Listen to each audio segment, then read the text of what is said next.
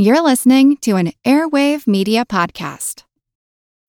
When you need mealtime inspiration, it's worth shopping Kroger, where you'll find over 30,000 mouthwatering choices that excite your inner foodie. And no matter what tasty choice you make, you'll enjoy our everyday low prices, plus extra ways to save, like digital coupons worth over $600 each week. You can also save up to $1 off per gallon at the pump with fuel points. More savings and more inspiring flavors make shopping Kroger worth it every time. Kroger, fresh for everyone. Fuel restrictions apply.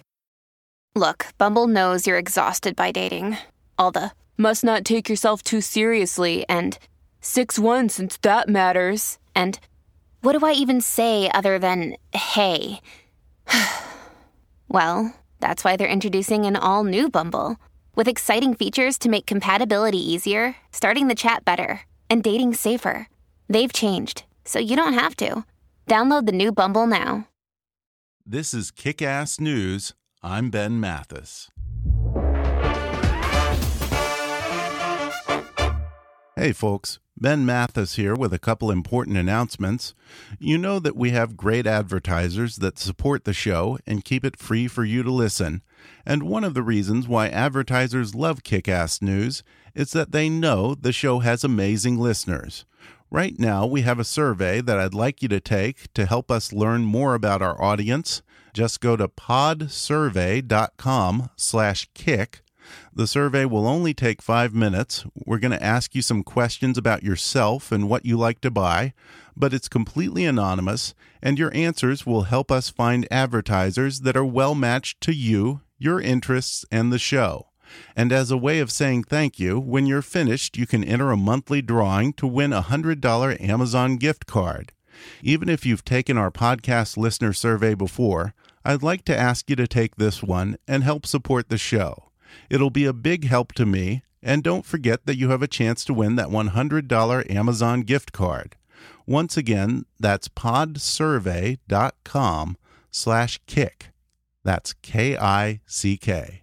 Thanks for helping us find the best advertisers so that we can keep the show free. Also, the holidays are upon us, and if you're like me, you'll skip the madness of the stores and do most of your shopping on Amazon this year. And if you're going to be doing that anyway, then help support the show by going to the sponsor page on our website at kickassnews.com and copying and pasting the Amazon link there into your web browser before you start ordering. Then Amazon will toss us a little something for every purchase you make this holiday season. You have to shop for gifts anyways. They've got just about everything you can imagine on Amazon delivered right to your door. It won't cost you anything extra, and you can help support the show. So it's kind of like giving two gifts for the price of one this year. And that, my friends, is what you call a Christmas miracle. So again, go to the sponsor page at kickassnews.com and copy our Amazon link into your web browser before you start shopping. And if you feel extra generous this Christmas, then make a donation to keep us going over here at gofundme.com slash kickassnews. Thanks for listening and enjoy the podcast. You know what? Conservatives have never liked John Boehner. That's why they punished him by making him Speaker of the House for four years. But you know who they love? Paul Ryan. Sure, he was the co-author of the new budget agreement, but come on, Tea Party darling, former VP candidate, all wrapped up in the boyish good looks of a summer camp youth minister, a golden child whose fiscal genius will lead us to the promised land where Reagan will rise once more. and he will come again in glory to judge the living and the dead. Although, really, for the dead, they're already dead. So what's the? It's really for the living. The dead, it doesn't do them. My point is this. For almost 17 years, The Daily Show with Jon Stewart brilliantly redefined the borders between television comedy, political satire, and opinionated news coverage. The Daily Show highlighted the hypocrisies of the powerful in Washington and the media. It garnered 23 Emmys, and it launched the careers of some of today's most significant comedians, including Steve Carell, Samantha Bee, Stephen Colbert, John Oliver, Lewis Black, Jessica Williams, Rob Riggle, Ed Helms, John Hodgman, Rob Corddry, Larry Wilmore, and of course the current host, Trevor Noah.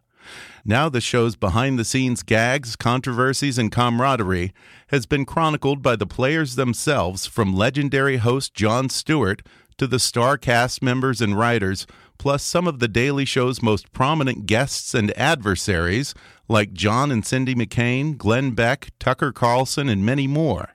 It's all in a new book called The Daily Show an oral history as told by Jon Stewart, the correspondents, staff, and guests. And today I'll talk with the author, Chris Smith. Chris Smith is a contributing editor at New York Magazine, where he's covered politics, sports, and entertainment. Today, he'll talk about how The Daily Show rose from a scrappy jester on basic cable to a sharp critique of the newly emerging 24 hour political news channels, becoming part of the beating heart of politics and a trusted source not only for comedy, but also for commentary, with a reputation for calling bullshit and an ability to affect real change in the world. He'll talk about how Jon Stewart changed the show and started punching up at powerful politicians and TV journalists. He'll discuss how the field reporters, like Stephen Colbert, staged interviews so as to give the guests the impression that they were on a straight news program, not a satire of the news. He'll discuss the weirdly symbiotic relationship between Fox News and The Daily Show. He'll talk about Jon Stewart's legendary scraps with conservative pundits like Bill O'Reilly and Tucker Carlson. And he'll talk about the creepy off the record sit down that Jon Stewart once had with Fox News founder Roger Ailes. He'll also talk about some of the behind the scenes machinations and occasional drama, as well as the unsung heroes off camera who helped make The Daily Show what it is. He'll discuss the influence The Daily Show had on Washington and pop culture, and how the show inspired activists overseas to use satire to attack the hypocrisy and injustice of some of the world's most oppressive governments. He'll reveal how Stephen Colbert morphed into a right wing pundit, which Daily Show alum was Jon Stewart's original hand picked replacement, and how Comedy Central lost that star to another network. Plus, how sick is Jon Stewart of everyone asking, Don't you wish you'd stuck around for the 2017 election? Coming up with Chris Smith of New York Magazine in just a moment.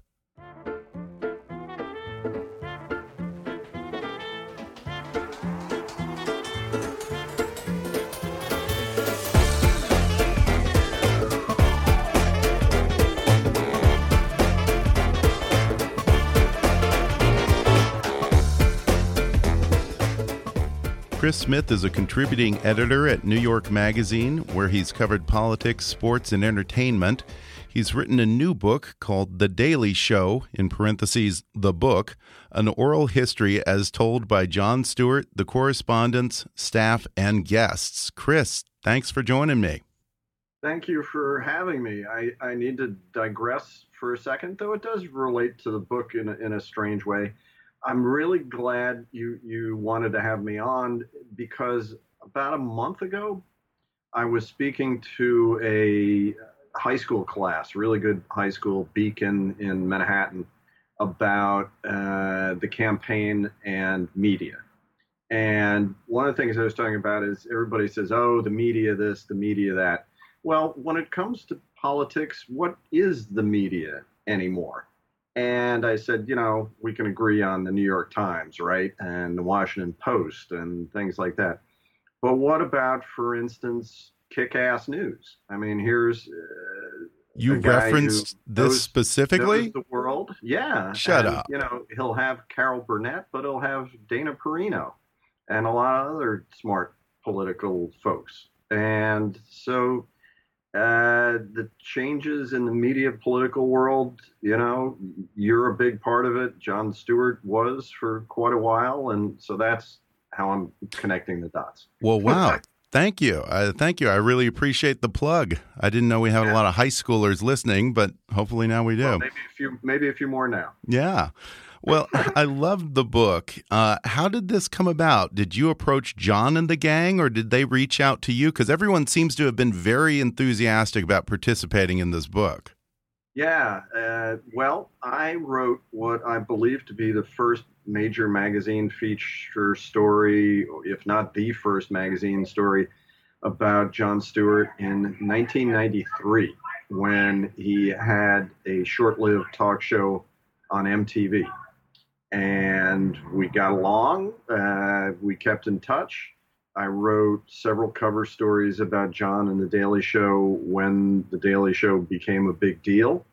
And when John decided he was going to leave, uh, he came to me actually and said, Hey, I'm interested in doing a book. Would you be interested in writing it? And, you know, it, it was lucky in some respects, but it was also born of having reported on the show over a period of a bunch of years. Yeah, and like I said, it's such a fun read, and you get everyone. I mean, not just the people who worked on the show, but you know, everyone from John McCain to you name it came back. on board this project. It's yeah. told through all these interviews from people who are involved, and you get all kinds of different points of view. And at times, there's sort of a he said, she said quality to it, and at times, it also feels a little like the show itself in that. Wow, that's a hell of a compliment. Thank well, you yeah, and I mean it because at times I have to say I felt like there was a joke that I wasn't quite sure if I was in on or not. How much of this book was uh, maybe a little bit tongue in cheek? Uh, nah, not so much. Okay. I will say this. I will say this that daily, you know, I'm I was making a half dozen phone calls and interviewing a half dozen people affiliated with the show, correspondents, writers, producers. And for the better part of nine months, I was reminded every day how not funny I am. Uh, because, you know, even a lot of the off camera people whose names you don't recognize who've worked for the show over the years are, are pretty damn smart and funny. You mentioned a minute ago, you know, it looked like everybody participated, and that's true with a couple of exceptions. And the key was, you know, once uh, John was on board, everybody by and large was eager to talk. And that's partly because, you know, John uh, signed off on it, but also because the show was such a grind day in, day out that they didn't spend a whole lot of time talking about how the show was made or what they thought the show's impact in the world was. You know, Stephen Colbert or Jessica Williams or Ed Helms would certainly do interviews over the years. But like you say, the backstory of how the show got made, who got along, who didn't, um, that was pretty closely held, not out of secrecy, but out of sort of protectiveness. And the other thing I, I, I'm glad it came across that I really wanted to open up the book to people who'd been targets of the show, you know, McCain and, and Glenn Beck and yeah. Dave Axelrod and uh, get their perspective on, on what that felt like, you know, what in retrospect they thought was good or bad, not just about their participation in the show, but about the show's role in the political media landscape. Because that, I, you know, in my opinion, that's what elevated the Daily Show in the Jon Stewart years. Not simply that it was funny, which was hard enough to pull off, but that it became a, a, a player in the political world. Yeah, and many of us don't remember the Daily Show pre Jon Stewart when Craig Kilborn was the host before he left uh, to do, uh, I guess, what was it, the Late Late Show? Late Late Show after Letterman, right? Yeah. What was the Daily Show back then? Well, uh, it was, uh, you know, a fairly scrappy, bare bones operation. Um, Kilborn was the original host when Comedy Central launched it in 1996. And they laid the, the good foundations of what was to come, that it was going to be a parody of a news broadcast, you know, that it would have mock correspondents, um, that it would have some interviews in the studio the the tone of the show was considerably different. You know, it it was more aimed at local news broadcasts and and a lot more celebrity content and punched down in ways. You know, would in field pieces make fun of eccentrics. There was a you know piece about a guy who replaced his teeth with driveway gravel. You know, not the kind of thing Jon Stewart was interested in. Kilborn left, went to CBS. The show was starting to get some attention, get some traction. Um, John comes in and he wanted it. He didn't. He didn't have a master plan exactly. He didn't have a, a detailed blueprint, but he knew he wanted to make it more relevant to the things he which he was interested in, which were politics and media. That he wanted to punch up, in his phrase, at people who had power. I want to talk about the process because that was really interesting to me. The field reporter division. That right. was kind of this amazing factory of talent. I mean, Steve Carell, Stephen Colbert, Rob Riggle, Samantha Bee, Rob Corddry. So John many great. Oliver. Yeah, so many great talents came out of that. And you talk about it was kind of the redheaded stepchild of the show and this pirate squad that could get away with more. In the early days before the show blew up and everyone was in on the joke, they talk about in the book how there was a specific way they would set up their field interviews so as to not necessarily trick the subject, but at least allow interviewees to assume that it was a serious news show. How did they yeah. pull that off? Uh, well, Stephen Colbert talks about it in some detail that you never lied to people, but you yeah. avoided saying you're on the show was on Comedy Central. You know, so if somebody asked, well, where's this going to air? Uh, you know, Colbert would say, well, it's, you know, channel 321 in New York. I don't know what it is on your cable system. so they would dance around it. They wouldn't, you know, lie if asked a direct question. yeah, You know, that kind of pose went away pretty quickly after, you know, 2000, 2001. Yeah. The show was getting a lot more publicity and traction. And one of the fascinating things to me is, you know, Colbert talked about it, Ed Helms talked about it, and it's still true. You know, everybody knows the game that the Daily Show field pieces are playing, but uh, in Colbert's words, when you put a camera in front of a lot of people, they get a lobotomy. people are just so eager to be on television, they really don't care. And the other thing is, too, that as the show became uh, better known, a lot of its better, more interesting interviews came with people who were convinced, even though they were on the totally opposite side of the political spectrum, that they were going to outsmart the Daily Show, that they were going to get their point of view across, and they didn't care that it was a liberal show. So that's fine. And the Daily Show basically let folks have their say. Um, there's an interesting, I think, interview with a longtime field producer named Tim Greenberg, who tries to answer the complaint that you know they took interview subjects out of context. Right. And he said, no, that's not true because we wanted people voicing their belief and their opinion, you know, genuinely. And if if what we wanted were canned uh, setup lines, we would have just hired actors, you know? So there was no need to take people out of context. It was all about getting people to, to say what they really thought. And it wasn't so much one of those shows that was written as much as it was rewritten.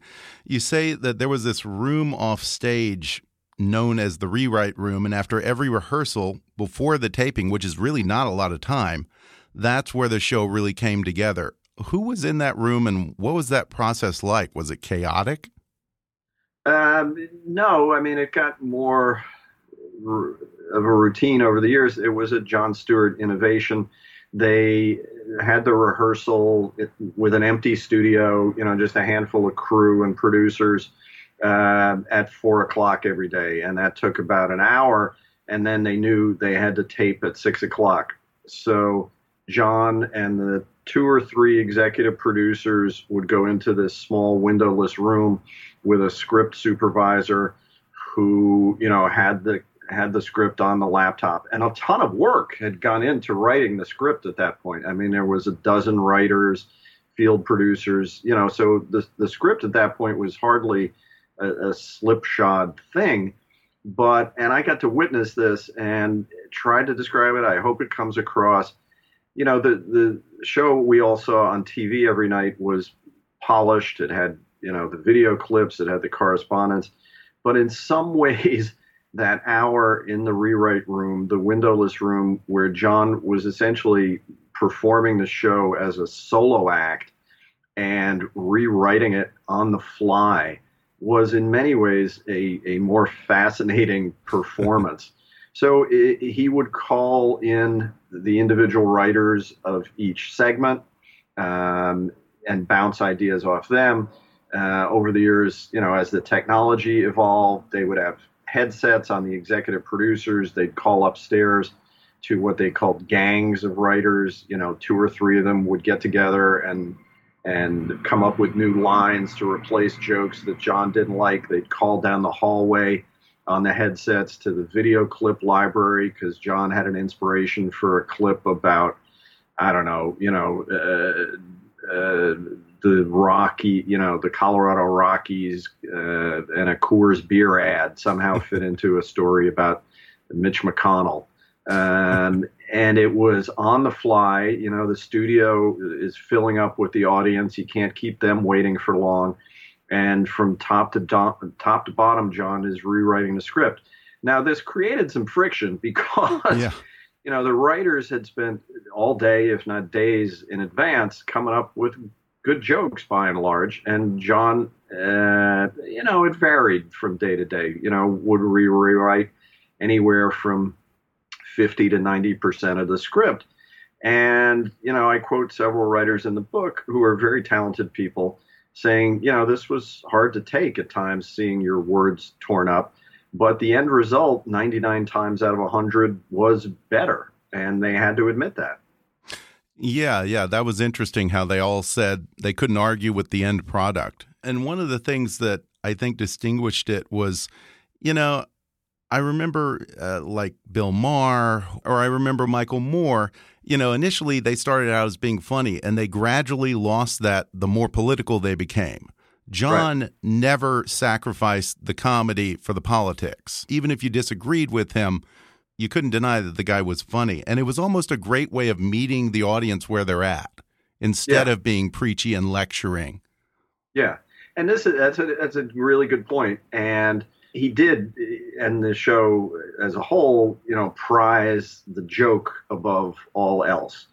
But John really took responsibility for the substance of what they were doing. You know, the the point he thought of satire was to attack things that were real. And there's a guy uh, who's been at the show from the very beginning, is still there the head researcher, a guy named Adam Chodikoff, who's just a brilliant, scary, smart guy, who says that he wants on his tombstone, you know, the jokes don't matter if the facts are wrong.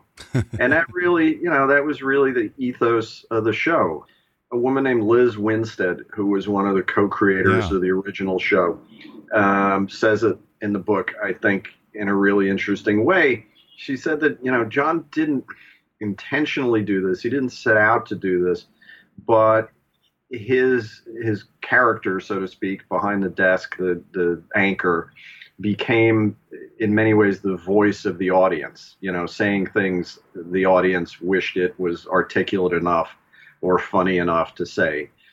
But also key to what you're what you're talking about, in contrast to Bill Maher or Michael Moore, or even to an extent Dennis Miller, um, is that you know John. One of his core principles was that the show never become too activist, that it never be openly advocating vote for this guy or you know protest yeah. this issue. Now there are a couple of exceptions to that as well. Um, John went in heavy in uh, defense of as a as a advocate for uh, veterans you know, mm-hmm. uh, during the right. Obama years in particular. He really did a bunch of hard hitting pieces about how screwed up the bureaucracy was at the Veterans Administration.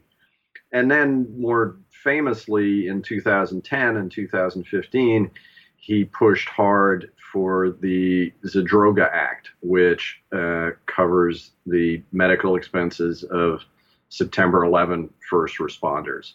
And John, you know, really turned a, a, spotlight on some of the senators in particular who were standing in the way of that and shamed them into getting on board. Was there ever a turning point when John and the others realized this is way more than comedy? We actually have some political capital that we can spend here. Yeah, uh, it's a paradox they were certainly aware that they were paid attention to in D.C. Um, you know, in the Bush years, you know, as the voice of the opposition, in the Obama years as the voice of disgruntled liberals. they never uh, overestimated their minor amount of power. And it's one of the things I think that kept the show healthy over the years is, you know, they they reminded themselves constantly they were a basic cable show with a maximum audience of about 3 million people. And that once they stepped out of that box, you know, once they, they became advocates, the show would get a whole lot less funny. Well, a lot of folks in the book talk about the uh, rally to restore right. fear and or sanity yeah. and how much a lot of them hated it because it just made a whole lot more work for everybody right. on the staff but on the other level because it it got them out of their premise, you know, that yeah. they were just a comedy show or, you know, they were mostly a comedy show in a studio. They weren't yeah. asking their audience to do anything really. Right. And, right. And what uh, was it, so what was it intended to accomplish, I suppose, also was probably some, some yeah. of the hesitation. Yeah. So a lot of them, you know, agreed with the, the sentiment of it that, you know, politics and the media could use a whole lot more civility um, but they didn't like the you know go down to the mall in Washington and hold a rally idea of it. But also, their ratings skyrocketed after that. So yeah. it actually being it ended up yes. being a great publicity stunt for the show. Yeah, no doubt. Um, they all are in show business. They all recognize that. Uh, to you know, 2010 can seem like ancient history as fast as the world moves, but you know that was a period where Obama was new in office, the Republicans were shutting down government, and uh, the midterm elections were right around the corner. It was it was peak Daily Show in a bunch of ways. We're going to take a quick break, and then I'll be back to talk more about The Daily Show with Chris Smith of New York Magazine when we come back in just a minute.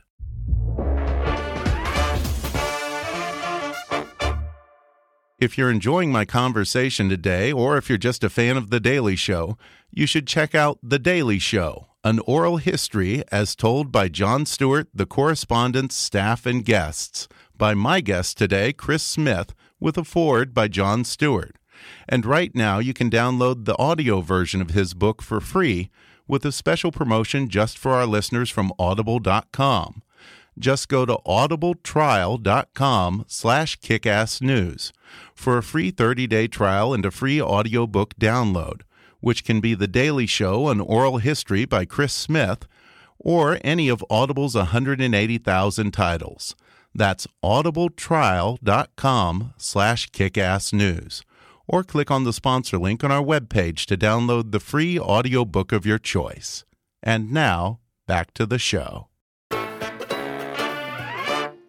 he liked to take on political hypocrisy in Washington and the media itself. Now, he took the desk right about around the time that Fox News and MSNBC both launched, I think within months of that. Could there have been a Daily Show, or would it have been what it became if there hadn't been a Fox News? That's a terrific question. Uh, it would have been a lot weaker or a much different animal. There's there's no separating the two, and you know, uh, you could say it's lucky for the Daily Show that Fox News came along when it did. You know, whether Fox News is good or bad for the country, we we can debate. Um, but you're right, and this is something that I really think about a lot you know, John criticizes the media, and uh, because the Daily Show is a visual medium, you know, it's on television. Was his focus on Fox disproportionate? You know, certainly he disagrees with their politics, but because he was able to use clips from Sean Hannity and Beck and Bill O'Reilly, you know, that made Fox a, a better target than using clips from the New York Times. You know, it's Right. just not as fun or interesting on a TV show. But you're right. People forget that the Daily Show, MSNBC, Fox News all launched about the same time.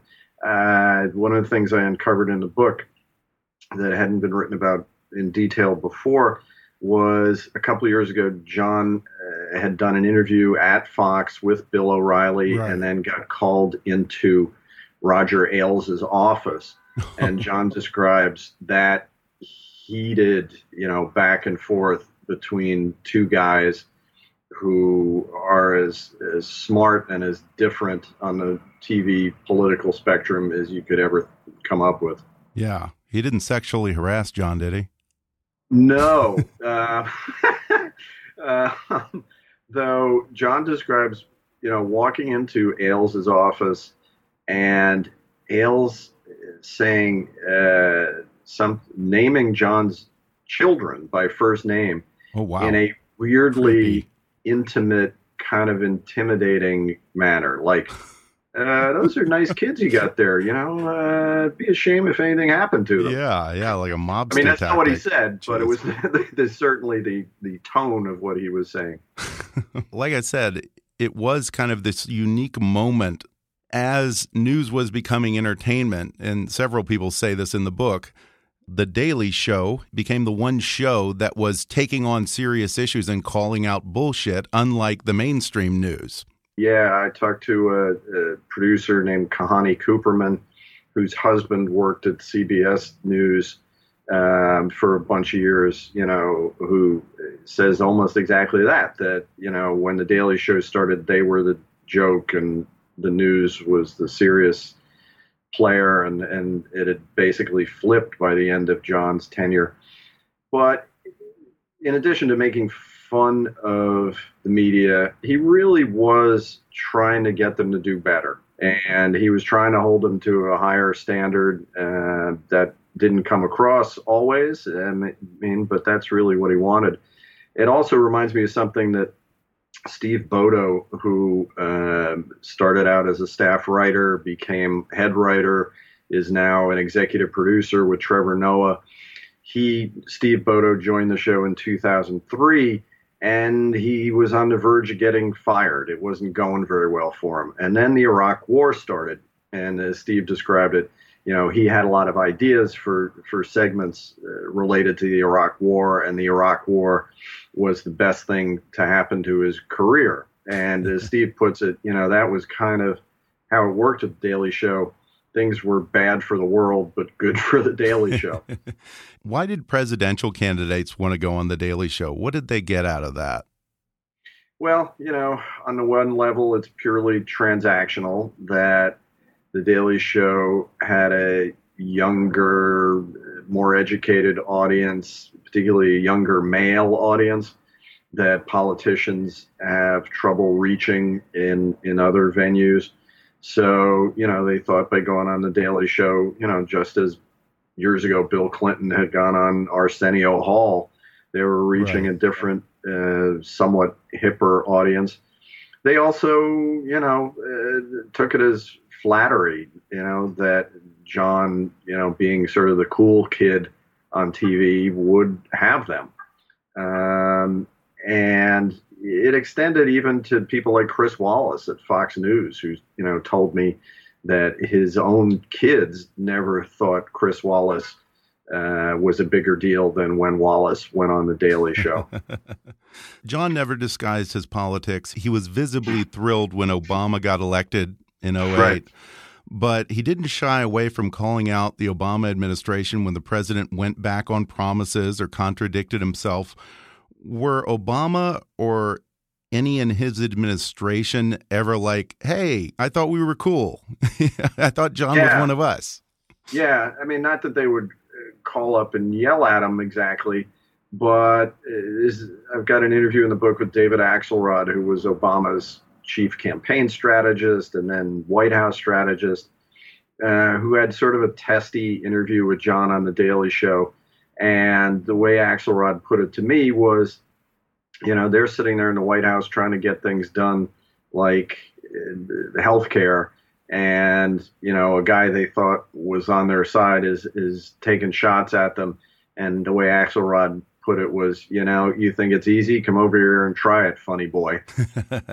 um, and you know, uh, Jon later uh, went to the White House twice and met with Obama, where Obama essentially lectured him on the same thing, you know, that you, Jon Stewart, are making people more cynical and you don't understand how hard it is to get this stuff done.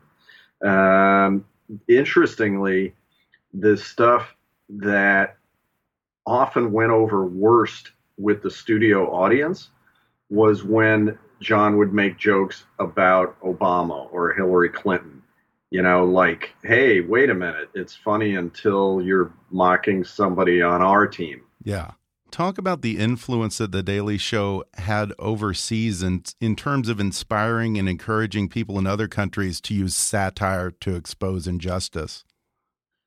Yeah, that that's an uh, interesting aspect. You know, as the Daily Show evolved, and as the United States and you know its politics got more entangled with the rest of the world, Jon, uh, you know, wasn't just seen on more screens, more computer screens in particular in China or the Middle East, but Jon made an effort to do more pieces about those places and the you know the, the more amazing outgrowth of that was that in Egypt there was a cardiac surgeon who was treating people in Tahrir Square during the the uprising during the protests who was a huge fan of the Daily Show you know saw it on the internet and decided okay it, being a doctor and helping people is fine but what I really want to do is make satire and he started making clips on YouTube that picked up a huge following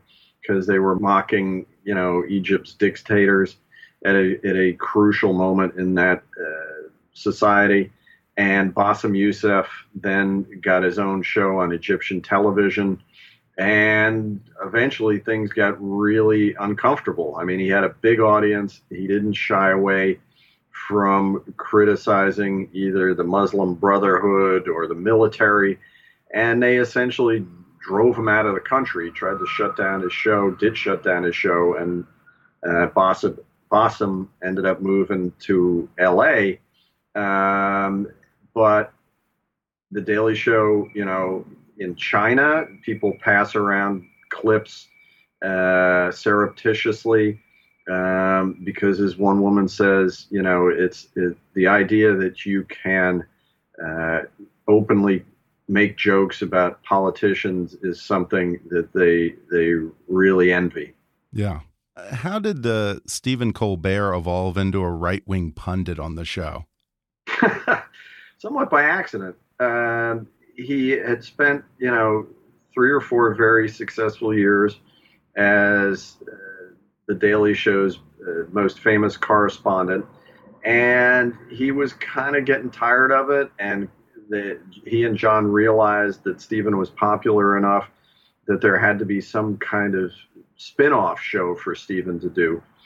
And uh, they also, at the Daily Show, just had a mechanical problem where they needed these things called bumpers to move from the studio stuff to commercials. So they created these short pieces with Colbert, like 20, 30 seconds of him doing a Bill O'Reilly like uh, right wing pundit character selling a book. And out of that, they realized, hey, we're onto something. And they pitched the show to Comedy Central. Colbert was initially really reluctant that he could sustain that character for you know a half hour a night four times a week. And it was jon who showed him that because uh, stephen himself is a very likable guy even if the character could at times be unpleasant stephen's uh, core humanity and sense of humor would come through. And uh, that became the colbert report at a certain point, Jon had decided that he was ready to move on. Um, he had sort of anointed the brilliant John Oliver as his handpicked successor. and then John Oliver went to HBO. What happened there? Yeah, that's a story that really had not been told until this book. Jon Stewart wanted to take time off and make a movie. And that got tangled up with his contract renewal negotiations and became quite contentious with Comedy Central. But it got uh, done, and Jon went off to make the movie and put John Oliver behind the desk, knowing, Jon Stewart knowing, that he wasn't going to come back and continue to do show for much longer, and that this would essentially be an audition for John Oliver. And Oliver killed it. Oliver was tremendous, um, but Comedy Central had failed to sign Oliver to a new contract. And Oliver's a big success as a replacement. He starts getting interest from other people.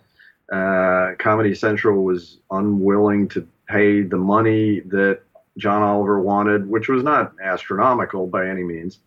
And Comedy Central felt like, you know, they, not Jon Stewart, should be the ones in charge of picking a new host ultimately because they're the network and that's how it should be. So off John Oliver went to HBO. What other names were considered for his replacement? Well, um, Jon Stewart, interestingly, you know, suggested folks like Wyatt Cenac, who'd been a part of the show for a long time. Yeah. He suggested Amy Schumer, who would have been tremendous, but for the Daily Show's purposes, Amy Schumer's career was taking off at exactly the wrong moment. You know, she was, she was becoming a big success on her own. The network reached out to people like Louis C.K. and Chris Rock and Amy Poehler, who, you know, would have been fabulous, but it was never realistic that they were going to take the job. Um, interestingly, Jon had hired Trevor Noah as a correspondent, and he made two appearances um, prior to Jon deciding to leave the show. Jon had seen a clip of Trevor on, on Letterman's show, watched it for about 30 seconds, and said, Hey, that guy could do my job someday. And uh, actually, it turned out to be that. Yeah, and he was a surprising choice for a lot of people because he was apparently very well known internationally, but not very well known here in America.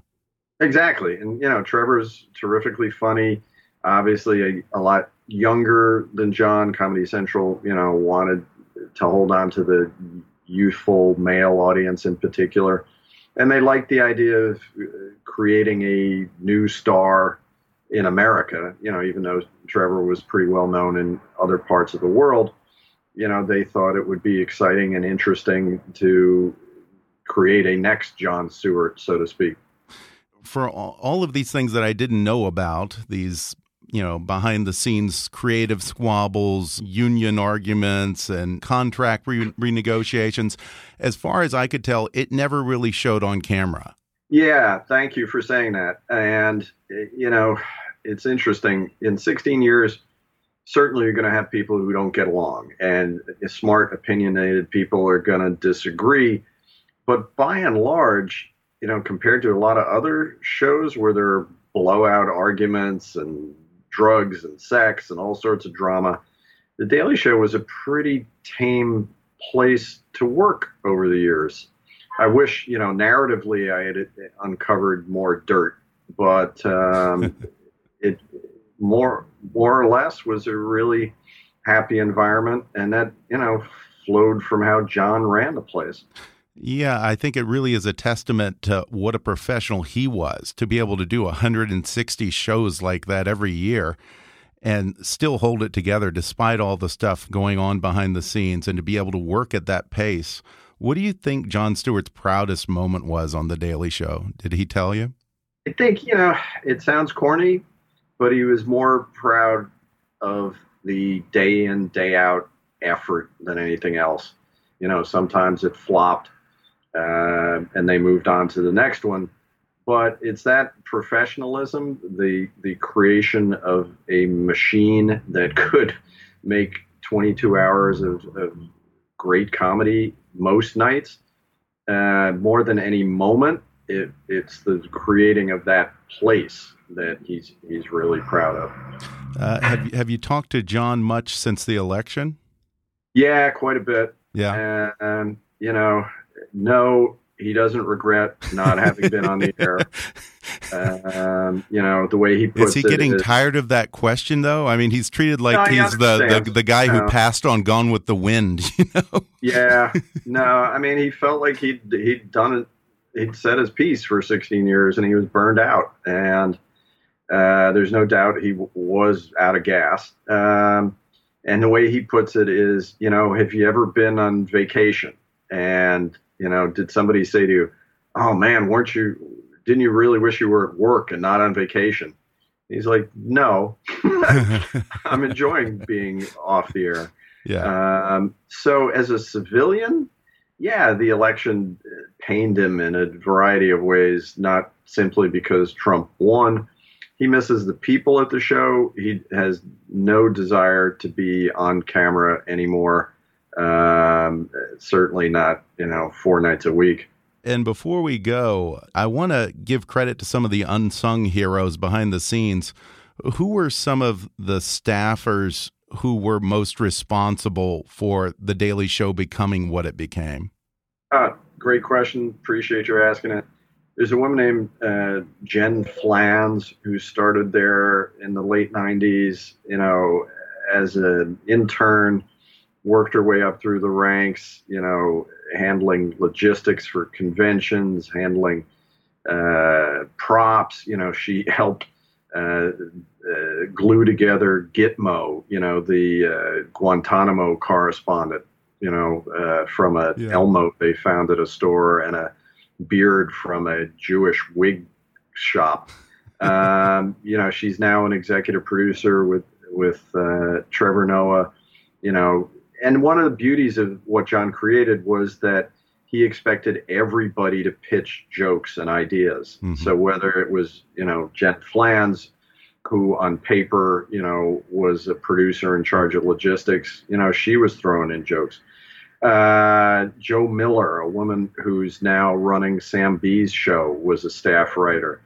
Uh, a guy named Elliott Kalan, who started as an intern, then was a segment producer.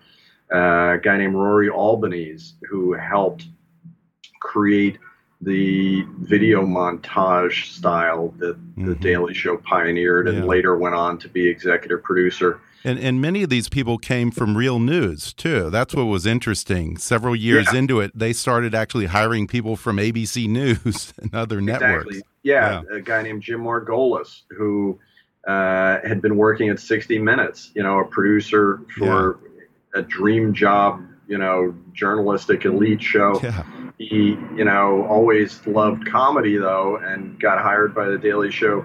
Went to tell Don Hewitt, the legendary 60 Minutes producer, that he was going to the Daily Show, and Hewitt said, uh, "Great, what show is that exactly?" um, but Margolis, yeah, ha- had a major hand in making the field pieces more rigorous, both in, in style and substance. You know, really adapting that 60 minutes form to uh, some goofy stuff. Yeah. Well, the book is such an interesting and funny read. It's called The Daily Show An Oral History as Told by Jon Stewart, the correspondents, staff, and guests. Chris Smith, thanks so much for coming on to talk to me about it. Ben, thank you so much for having me. Thanks once more to Chris Smith for coming on the podcast. If you enjoyed today's episode, then you can order his book, The Daily Show An Oral History as Told by Jon Stewart, the correspondents, staff, and guests on Amazon. Or you can download the audio version for free through that special trial offer just for our listeners at audibletrial.com slash kickassnews. For more information, visit dailyshowthebook.com. Follow Chris Smith on Twitter at, at Chris Smith, NY That's N Y M A G. And read more of his work in New York Magazine or at nymag.com. And of course, you can still catch The Daily Show four nights a week on Comedy Central. For more information and bonus content, visit Comedy Central's website at cc.com. Don't forget to take our listener survey so we can keep the show free and find advertisers who are best matched to you, our listeners. Just take five minutes to go to podsurvey.com slash kick and take the survey. And when you're done, be sure to register for that $100 Amazon gift card giveaway.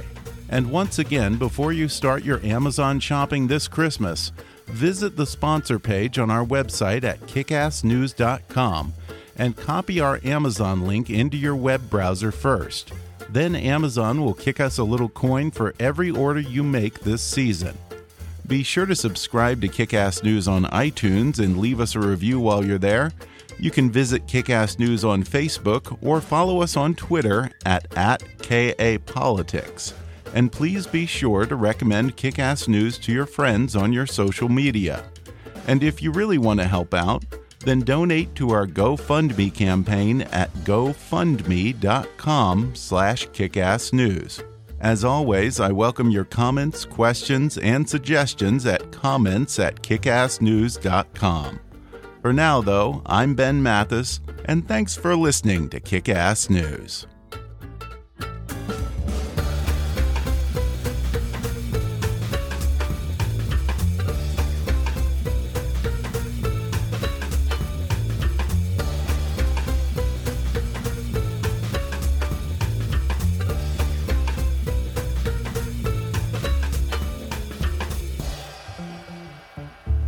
Kickass News is a trademark of Mathis Entertainment, Inc.